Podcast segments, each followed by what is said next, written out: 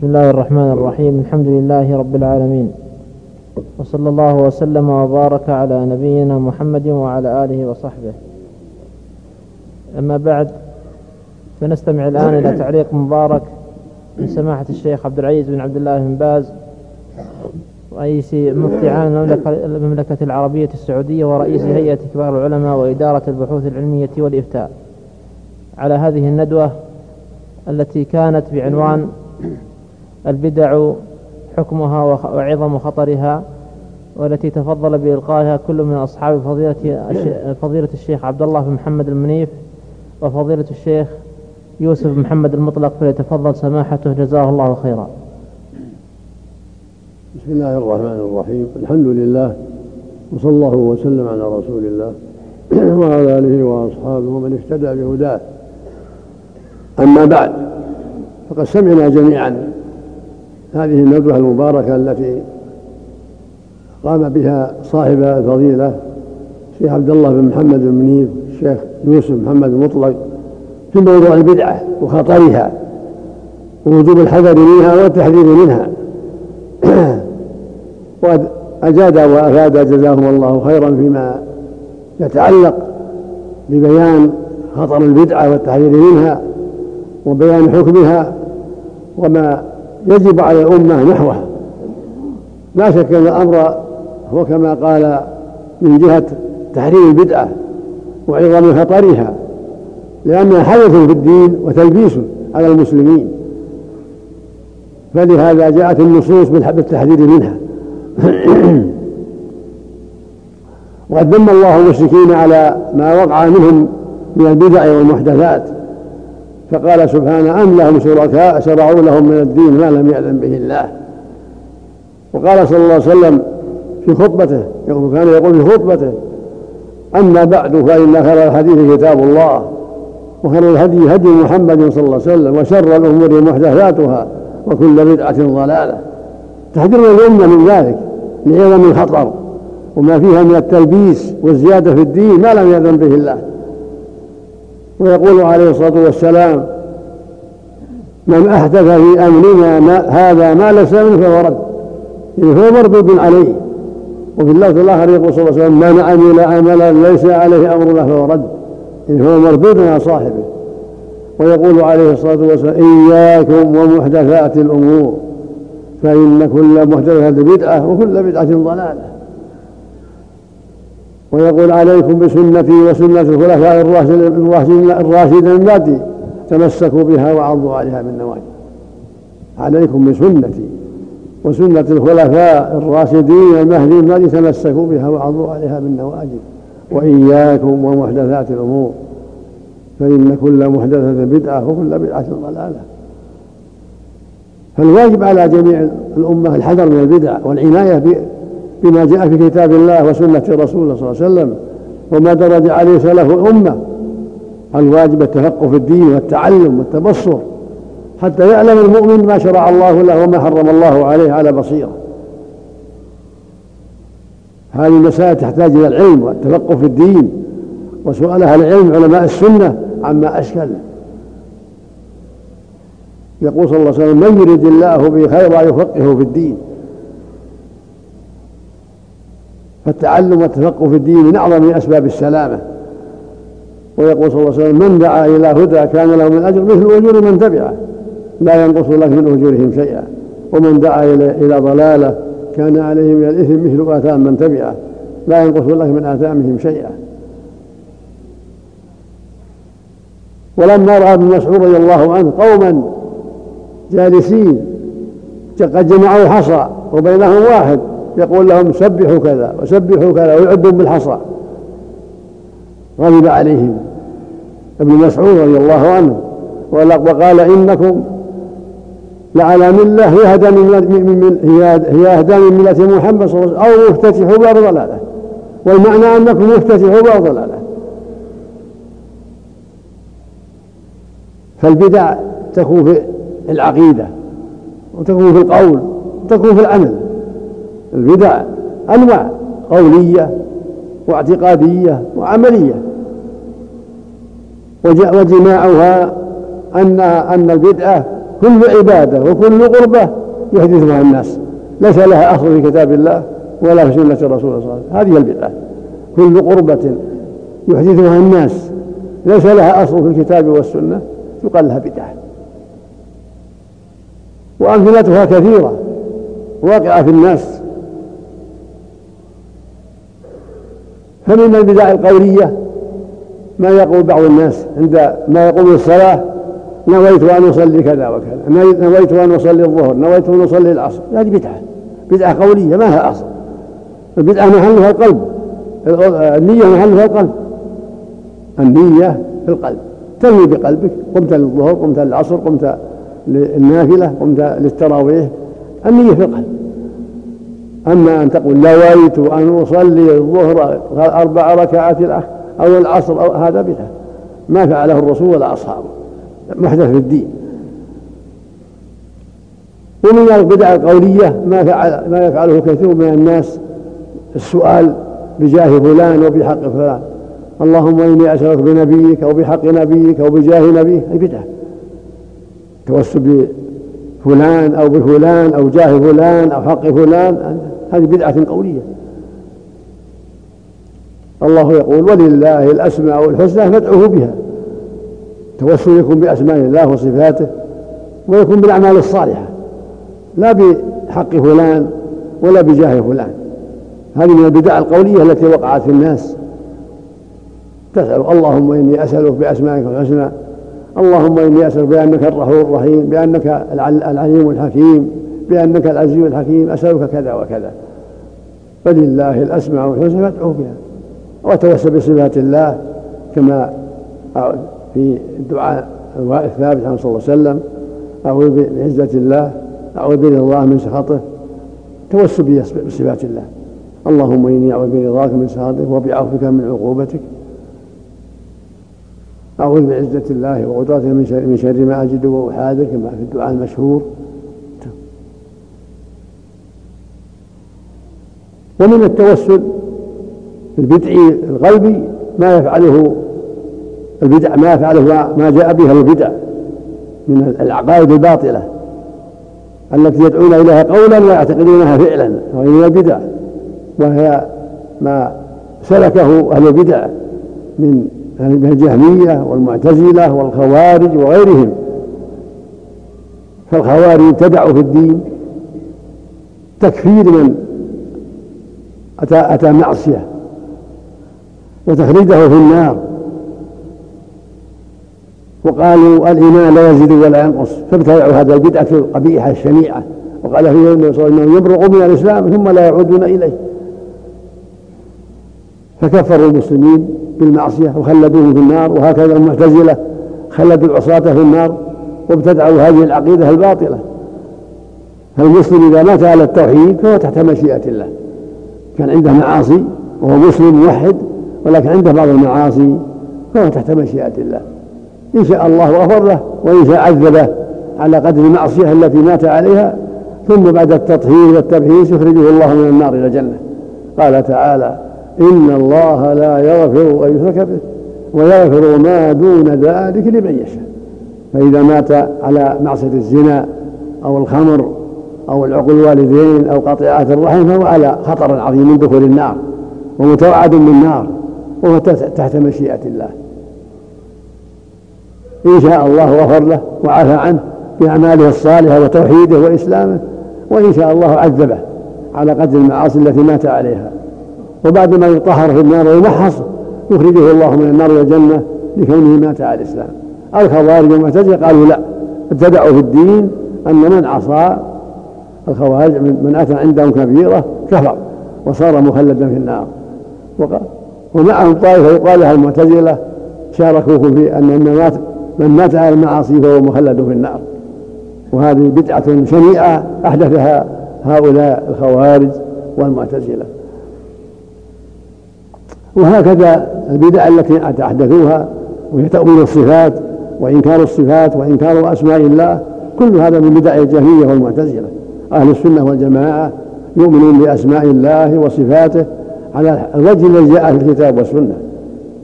يؤمنون بأسماء الله وأنه سبحانه له الأسماء الحسنى وله الصفات العلى. يمرونها كما جاءت من غير تحريف ولا تعطيل ولا تكييف ولا تمثيل. أسماء الله كلها حسنى وصفاته كلها علا وكلها حق. لا يشابه خلق سبحانه وتعالى. قال تعالى ليس كمثله شيء وهو السميع البصير. فيجب إثباتها لله على وجه لائق بالله من غير تحريف ولا تعطيل ولا تكييف. خلافا لأهل البدع الذين أولوها ونفوها. هو سبحانه فوق العرش. قد استوى العرش استواء يليق بجلاله وعظمته. لا يشابه الخلق في شيء من صفاته وعلمه في كل مكان. هو فوق العرش. قد استوى عليه استواء يليق بجلاله وعلمه مع عباده في كل مكان. يعلم كل شيء سبحانه وتعالى. وهو الحكيم وهو العليم وهو الرؤوف وهو الرحيم وهو الرحمن الرحيم وهو القوي المتين وهو الخلاق العليم له الصفات والاسماء على وجه لا يقبل الله سبحانه وتعالى. لا يشابه فيها خلقه جل وعلا. ليس كمثله شيء وهو السميع البصير. فأسماؤه كلها حسنى وصفاته كلها علا وكلها حق. ثابتة لله. بناء القبور واتخاذ المساجد على القبور بدعة أحدثها كثير من الناس. حتى عبدت القبور من دون الله. صارت هذه بدعة من أسباب الشرك. بنوا على القبور وجسسوا القبور وعظموها وجعلوا عليها القباب حتى عبدت من دون الله. حتى عبدها جهال من دون الله. يحسبون أن هذا شرع وأنه دين وهو منكر وبدعة. الرسول عليه الصلاة والسلام قال لعن الله اليهود والنصارى اتخذوا قبور أنبيائهم مساجد. وقال لا تتخذوا مساجد فإني أنهاكم عن ذلك. وقال صلى الله عليه وسلم لا تصلوا إلى القبور ولا تجلسوا عليها. فخالف هؤلاء المبتدعون وشابهوا اليهود والنصارى فبنوا على القبور وأسرجوها بالسرج وجعلوا عليها القباب والستور حتى عبدها الجهال واستغاثوا بأهلها ونذروا لهم وذبحوا لهم. هذه من البدع الفعلية. واستغاثة الجهال بها من البدع القولية الشركية استغاثة بأهل القبور ودعاء أهل القبور والاستعانة بهم شرك أكبر ومن البدع المحدثة في الدين وهو شرك أكبر.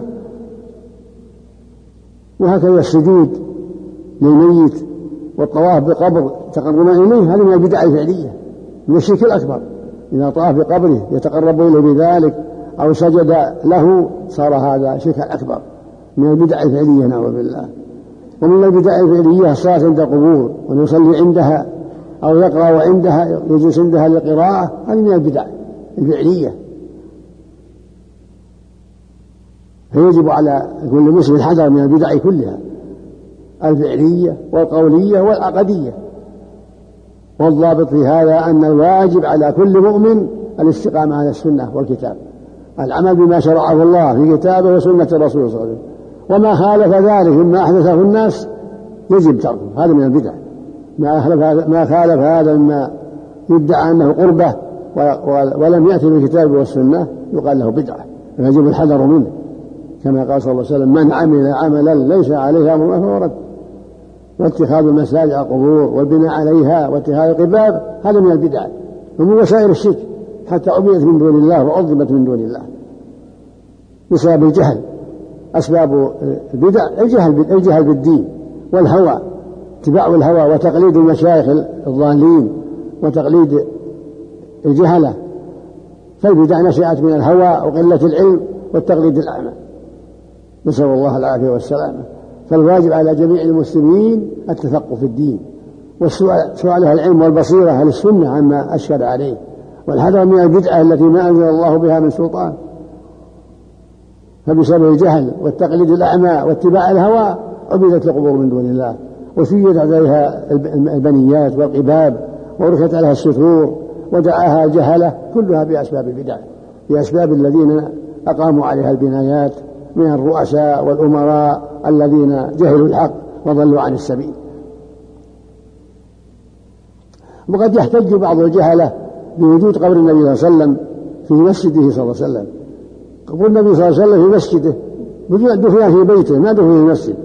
خاف عليه الصحابة أن يقع الشرك فدفنوه في بيته عليه الصلاة والسلام في بيت عائشة.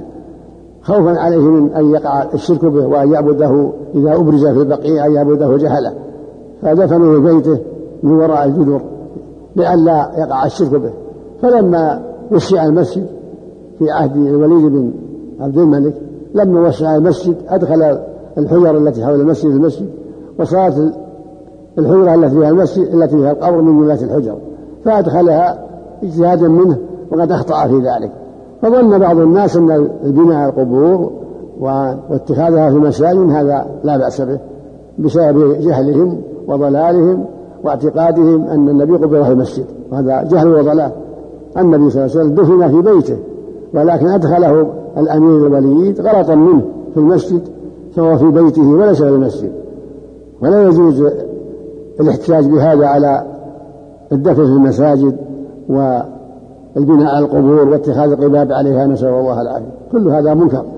وفعل النبي وكون الصحابة بدنه كون الصحابة دفنوا النبي صلى الله عليه وسلم في بيته لأجل إبعاده عن الشرك به والغلو فيه عليه الصلاة والسلام.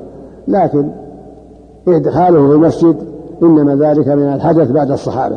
أحدثه الوليد على رأس المئة من الهجرة لما وسع المسجد في ولايته. وقد أخطأ في ذلك لكن بكل حال فالنبي لم يدفن في المسجد إنما دفن في بيته.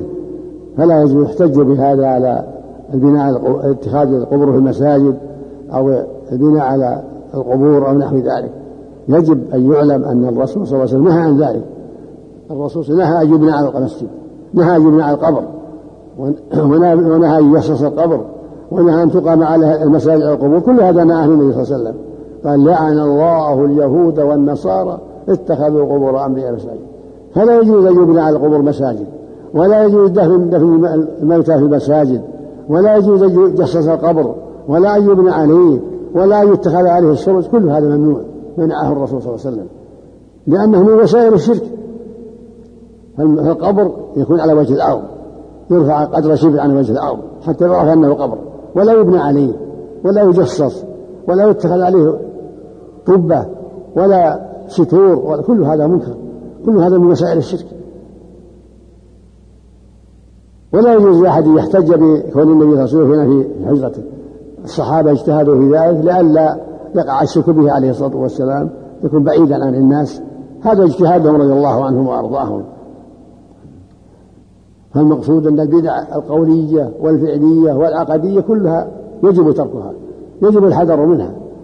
وقد وقد فهمتم ما بين من البدع القولية.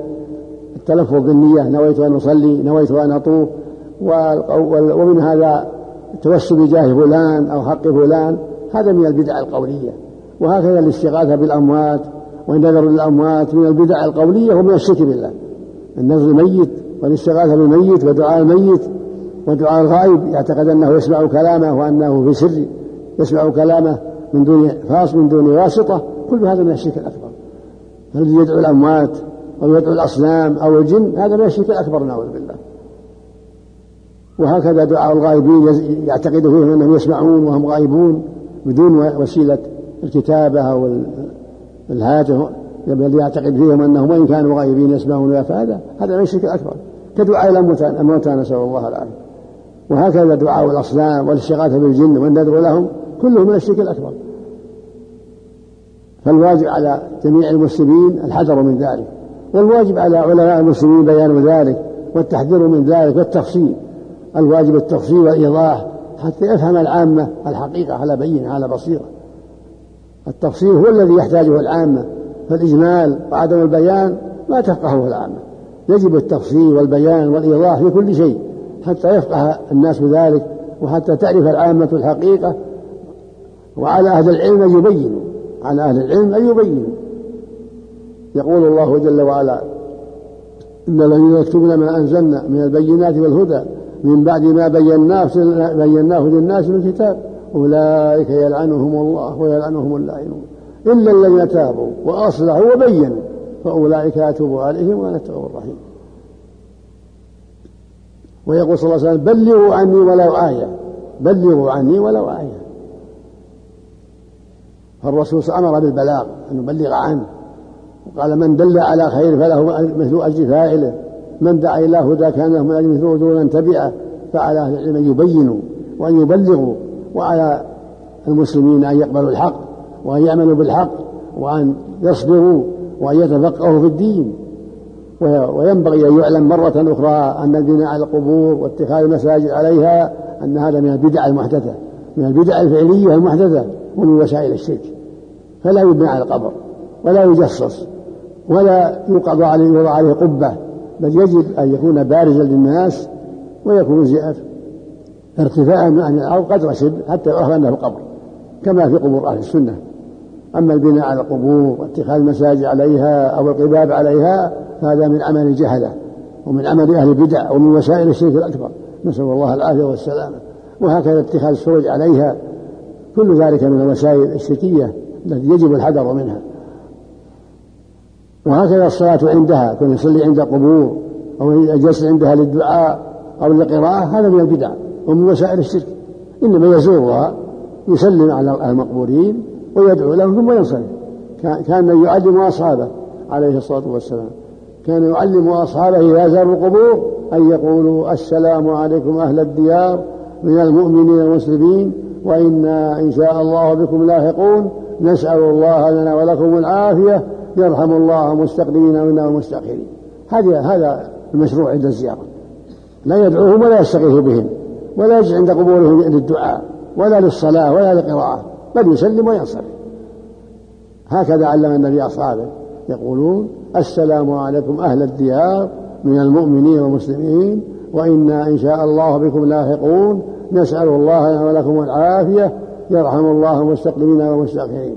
في اللفظ الآخر يغفر الله لنا ولكم. أنتم سلفنا ونحن بالأجر هكذا يسلم عليهم ويدعو وينصرف لا يجلس عندها للدعاء ولا يطوف بها ولا يستغيث بها ولا ينظر ولها. كل هذا من مما أبدأ أحدثه أهل البدع أهل الجهل والضلالة. فدعاء الموتى والاستغاثة بالموتى شرك أكبر. إذا قال يا سيدي انصرني. أو اغثني أو أنا في جوارك كما يفعله بعض الناس عند قبر النبي صلى الله عليه وسلم أو عند قبر الحسين أو البدوي أو الشيخ عبد القادر الجيلاني أو غيرهم. هذا الشرك الأكبر الاستغاثة بالموتى والنذر لهم والذبح لهم والسجود لهم. هذا الشرك الأكبر نسأل الله العافية. ولكن يسلم عليهم فقط. يسلم عليهم ويدعو لهم وينصرف. هذه السنة في زيارة الموتى. أما أن يدعوهم من دون الله أو يستغيث بهم أو ينظر لهم هذا الشرك الأكبر. أو يسجد لهم هذا الشرك الأكبر. أو يطوف بقبورهم هذا إذا كان قصد الطواف التقرب إليهم شرك أكبر. وإذا ظن أنه أنه سنة الطواف بالقبور وأنه يقصد وجه الله بالطواف هذه بدعة. من وسائل الشرك. فالواجب على كل مسلم أن يتفقه في الدين وأن يتعلم وأن يتبصر حتى يكون على بينة. حتى لا يقع في الشرك ولا يشعر. حتى لا يقع في البدعة المضلة ولهذا يقول صلى الله عليه وسلم من يريد الله به خيرا يفقهه في الدين. ويقول مثل ما بعثني الله به من الهدى والعلم كمثل غيث أصاب أرضا فكانت منها طائفة طيبة قبلت الماء فأنبتت الكلاء والعشب الكثير. وكانت منها أجادب أمسكت الماء فنفع الله به الناس فشربوا وسقوا وزرعوا. وأصاب طائفة أخرى إنما هي قيعان لا تمسك ماء ولا تنبت كلاء. فذلك مثل من فقه في دين الله ونفعه ما بعثني الله به فعلم وعلم. المثل الأول. الأرض الطيبة التي قبلت الماء.